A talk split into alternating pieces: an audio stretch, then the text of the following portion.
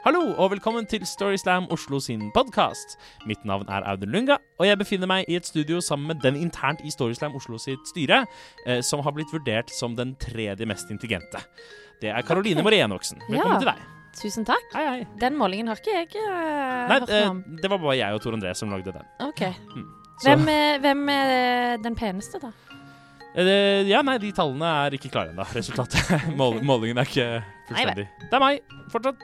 Ja, Fortsatt meg, og det er vel snart 17. mai. ja det er det! Ja, Gleder du deg? Jeg gleder meg sykt mye, faktisk. For jeg skal for første gang ha fri i, på 17. mai i Oslo. Ja, for du pleier vanligvis å selge ballonger i Oslo Teater, gjør du ikke det? ja. ja, men sånn på ordentlig, da. Hva, hva skal jeg gjøre på, liksom? Ja, nei, jeg pleier i hvert fall å, å sove til sånn to-tre-tida, og så står jeg opp og skifter ikke undertøy, og så ser jeg på eh, barna som vinker til eh, 17. mai-nissen. Ok, OK. 17. mai-nissen. Det er han som kommer fram eh, hver 17. mai og vinker til barna. Kun med på 17. mai. Ja. Ja. Vi skal høre noen fortellinger i denne podkasten som ble fortalt på vårt live-arrangement den 4. mars på Kulturhuset. Riktig. Og begge de fortellingene som vi skal få høre i denne episoden her, de har jo det til felles at de handler om et møte med norsk skolesystem. Ja. Ja. Og samtidig så handler det også om det å være en outsider og føle at man står litt på utsiden. Her kommer første forteller, Francisco Briseno.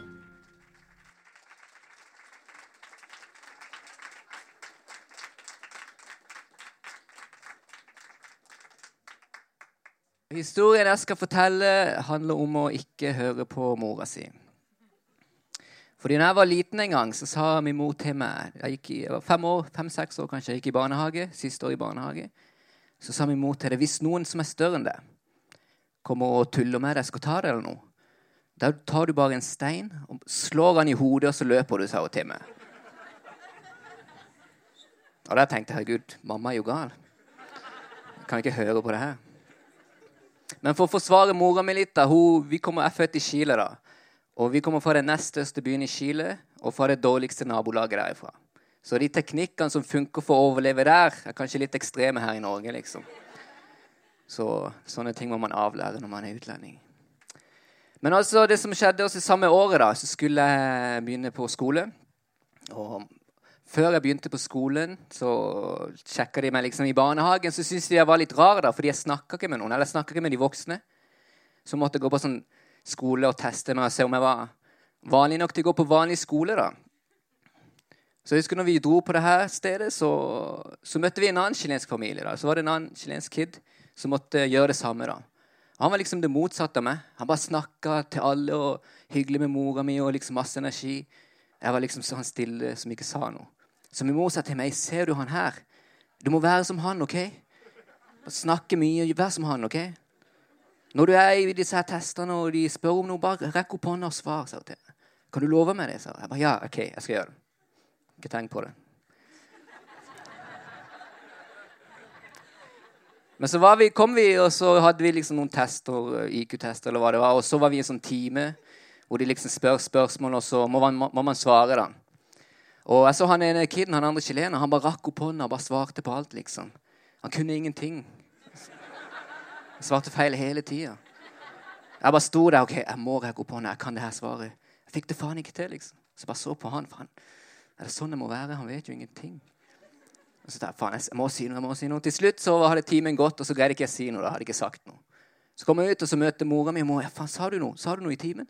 Jeg bare Nei, faen, jeg fikk det ikke til. Og bare OK, greit. Men det som skjedde da, endte ikke opp på den spesialskolen. da, som Hvis du gjør det dårlig, så ender du opp der. Men eh, videre, så den samme sommeren, så var jeg og bada på stranda der vi bor. da, Og, og da ble jeg kjent med en, eh, med en, en annen chilenerkid på min alder. Og så, inviterte han meg til å overnatte hos han. da. Og han eh, bodde på Slettheia. Jeg ser noen som ler. Slettheia er liksom det verste strøket i Kristiansand. da. Det er der utlendinger bor. Det er der chilenere bor. Ja. Og jeg skulle overnatte hos han, så ja, ja, jeg blir med. Fett. Så. Så overnatte hos han, og dagen, der, dagen derpå var vi liksom alene hjemme. Foreldrene hadde gått for handlene, og så hører vi utafor. Så roper han fra kiden, han heter Rodrigo. da. Han bare 'Hei, Rodrigo, kom ut! Jeg skal banke dritten ut av deg!' Det er noen utafor som roper på han.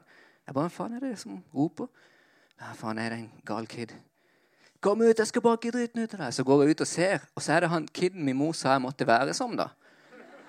Han har lyst til å banke kompisen min Rodrigo. Så sa jeg faen, vi må gå ned da. Vi må gå ned og håndtere det her. sa jeg til ham. Um, så ja. Og så kommer vi ut i gangen, ned trappene, så kommer det en annen chilener kid, som er liksom to år eldre enn oss. da. Så sier han, 'Dere kan ikke gå ut', sa han. 'Dere kan ikke gå ut'. Jeg bare, jo, jo, vi kan ikke. Nei, nei, han der kiden han er gal. Han, han, har lyst til å banke Rodrigo. Uh, det kan ikke gå ut, sa han. Så men det går bra, sa jeg. Vi er to stykker. Vi greier det her, sa jeg. Jeg kan ikke stå her og gjemme meg. Jeg føler meg, føler meg som en pingle. Så sa han, nei, du kan ikke gå ut. Han kiden her, han er gal. Så jeg, hvor gal kan han være?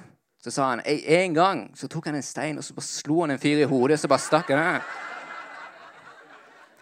Jeg tenkte faen, her er det en som har hørt på mora si. altså.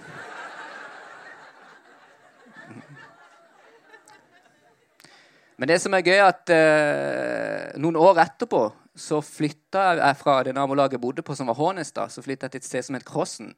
Som var det stedet hvor jeg hadde liksom gjort disse her testene. da. Og dette var liksom fire år etterpå. Og Så så vi litt rundt, begynte å kjenne igjen området. Så faen, faen har de ombestemt seg. Er ikke jeg vanlig for vanlig skole likevel? Må jeg gå på denne skolen nå? Men eh, de hadde ikke ombestemt seg. Jeg begynte på vanlig skole. Og uansett, selv om jeg ikke turte å snakke i timen da, så tør jeg gjøre det her ganske bra. Det er alt for meg, folkens. Tusen takk.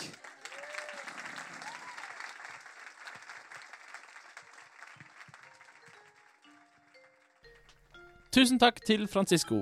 Ja. Og i neste fortelling så får vi et lite innsyn i hvor nådeløs ungdomsskoletiden faktisk kan være. Ja, Her kommer fortellingen til Iris Bragason.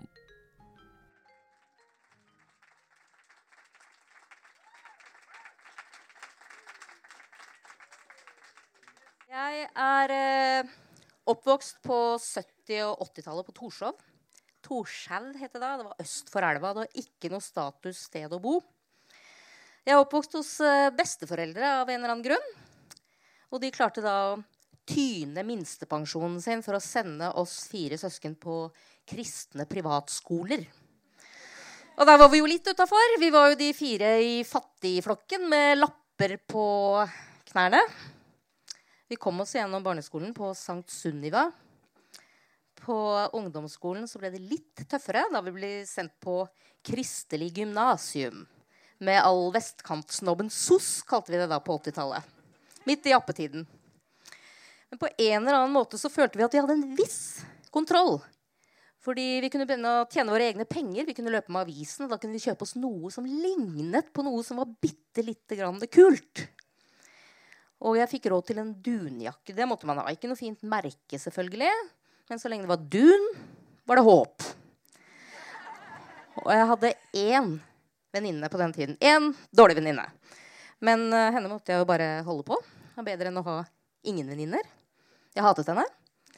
Og uh, jeg måtte bare holde ut med hennes uh, nedverdigelser og skryt og Se her, jeg har fått en ny parfyme av pappa som han kjøpte i Frankrike. Den koster 1000 kroner. Ja vel. Jeg har Levis 501. Har du? Nei, jeg hadde jo ikke det. Og det verste var når de begynte å snakke om bh-ene sine. Hva slags bh har du? Nei, nei, du trenger kanskje ikke det, du ennå. Nei, jeg trengte ikke det. Jeg så ut som jeg var 12 år da jeg var 15, og jeg var flat som en pannekake. Og kanskje noen bitte små knapper. Og eh, i storefri så pleide jo jentegjengen i klassen å danne en slags sirkel hvor man sto inne og skrøt og klærne sine og sa noen kule ting. Og det var akkurat som eh, jordkloden. Du hadde da jordskorpen ytterst, så hadde du mantelen innenfor der, og så hadde du indre flytende kjerne og indre fast kjerne. En sånn bevegelig greie. Og jeg sto helt utenfor. Utenfor jordskorpen. Men jeg hadde to skuldre da, som jeg kunne titte litt imellom. Det var May-Britt, min beste venninneskulder, og Merete. Da fikk jeg lov å titte inn og prøve å le litt tappert av hverandre sånn kult. Og eh, jeg sto i denne sirkelen da, og skrøt av sine merkeklær. Og dunjakken skulle hete Montclair. Og under den Montclair-dunjakken så skulle du ha en genser med en krokodille på brystet. Lacoste. Og jeg skjønte jo at jeg kommer aldri dit. Overhodet ikke. Men min ambisjon var aldri å bli populær. Jeg ville bare beholde plassen min mellom disse to skuldrene. Og kanskje en eller annen gang få en fot innenfor jordskorpen. Og Jeg tenkte at det er oppnåelig. Jeg er tre lønnsslipper unna en Levis 501, og det skal jeg klare. Og da jeg endelig fikk den lønnsslippen i posten, og hevet den sånn som vi gjorde på 80-tallet, gikk i banken og tok ut penger, og dro ned til Levis-forretningen og kjøpte Levisen, som jeg hadde prøvd mange ganger før. Kjelte litt med dette her dongeristoffet og pirket litt på den røde lappen og frydet meg. I morgen skulle bli en lykkedag. Og pappa kom på besøk den dagen. Og han hadde på den tiden hei pappa, en eh, kjæreste fra Sverige. En sånn litt hillbilly, redneck, uh, spåkone-dame. Som bodde i Harryland i Sverige. Eller eh, rettere sagt Ervika. Og de pleide å dra, på Ervika storsenter og handle på onsdagene. Og så kom han jo hjem med noe til døtrene sine, da. Og denne gangen så kom jo pappa hjem med gaver igjen, da. Veldig entusiastisk og islending og veldig søt, gebrokken dialekt. Unnskyld, pappa. Og eh, Neimen, hei, jentene mine! Dere har jo blitt store kvinner snart. Dere vil vel pynte dere? Jeg har kjøpt parfyme på Arvika storsenter. Og så dro han opp tre svære plastburker med håndtak fra sekken sin. Det så ut som altså, noen sjokkrosa væske inni, sånn som frostvæske. Og vi tenkte ja, ja, vi må jo bare takke, og vi syntes det var litt morsomt. Da, selvfølgelig. Så da pappa dro, så måtte jo jeg og lillesøster vi som sitter her, Hildi, vi måtte lukte. Vi skrudde opp lokket, og så tenkte jeg Å, fy faen! Her var det jordbærtyggis og sukkerspinn og etanol og en eller annen fjerde ubegripelig ingrediens. Så vi bare skrudde igjen lokket. Jeg tenkte at jeg må ta med en av disse her til storesøster som hadde flyttet hjemmefra for lengst. Bort fra kaoset og originaliteten i barndomshjemmet. Så eh, jeg tok jo med denne, og dagen etter så dannet vi sirkel igjen. Jeg sto der og var stolt av Levis-buksen min og prøvde å dytte den lille røde lappen litt lenger inn i sirkelen. Og det var jo da May-Britt som så det først. Hun sa 'Å, har du fått Levis 501?' Ja. 'Hvor mange Levis 501 har du?' 'Jeg har jo bare tre eller én, eller har jeg ja, tre?' Og så vet ikke jeg hvorfor hun valgte å ta avstand fra meg akkurat da. Men hun pekte bare på brystkassen min og sa 'Du har fått myggestikk. Der og der'. Og så lente hun skulderen sin mot Merete sin skulder og lukket sirkelen fullstendig. Og nå var jeg helt alene. Og jeg husker ikke hvordan jeg kom meg ned på toalettet på Kristelig gymnasium, men jeg satt der på dolokket med hodet i hendene og gråt. Det helt forferdelig. Jeg var så skamfull, jeg var så rød, jeg var så ydmyket. Og jeg tenkte at ydmykelsene kommer jo ikke til å stoppe her. For nå er det torsdag, og det er gym, og det er basketball. Dere kan tenke dere hvordan det er for meg, liksom mine 142 cm, å spille basketball.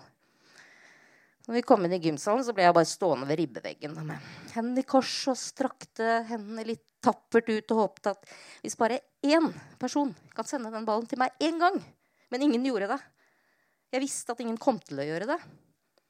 Så jeg gikk ut i garderoben og satte meg på en benk og satt meg rett ved siden av May-Britt sine lavendelduftende merkeklær, som også lå der og håndte meg.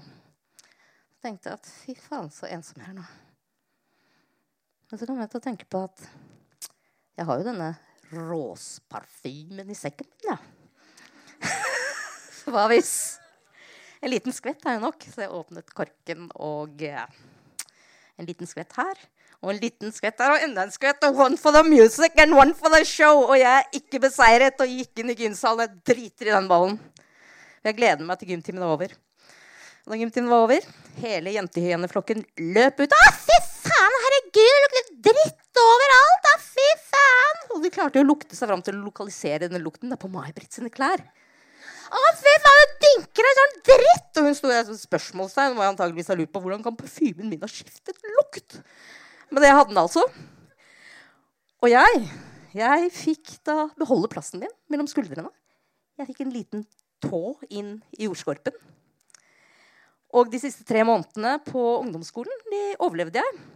Hvis det er noen slags moral i denne historien, så vil jeg jo bare si Tusen takk, pappa, som sitter der for råsparfymen fra Arvika storsenter. For den redder mitt liv.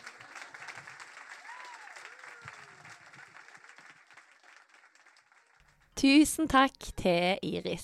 Hevnen er søt. Ja, som lukten av parfyme. Absolutt. Ja.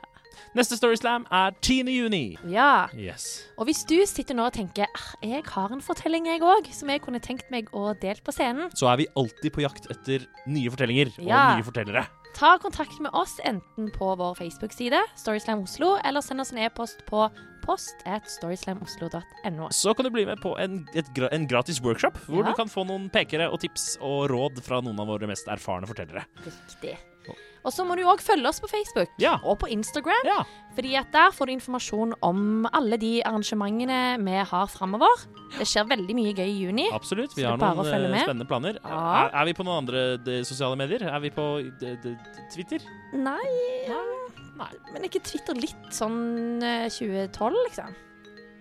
Kanskje. Jeg, jeg er litt sånn 1999, Du så har ikke smarttelefon. Ikke sant. Nei. Eh, Nettopp. så jeg vet ikke. Men for de som har smarttelefon, og på den har en podkast-app, så kan du jo abonnere på denne podkasten. Kanskje gi oss en liten stjerne og to og tre. Ja, Og for dere steinalderfolk så er vi også på eh, Spotify. Ja, Så der, der, der, der, der finner du oss også. riktig. Takk for denne gangen. Ha en strålende 17. mai, og Ja. hurra for Grunnloven! Hipp hurra!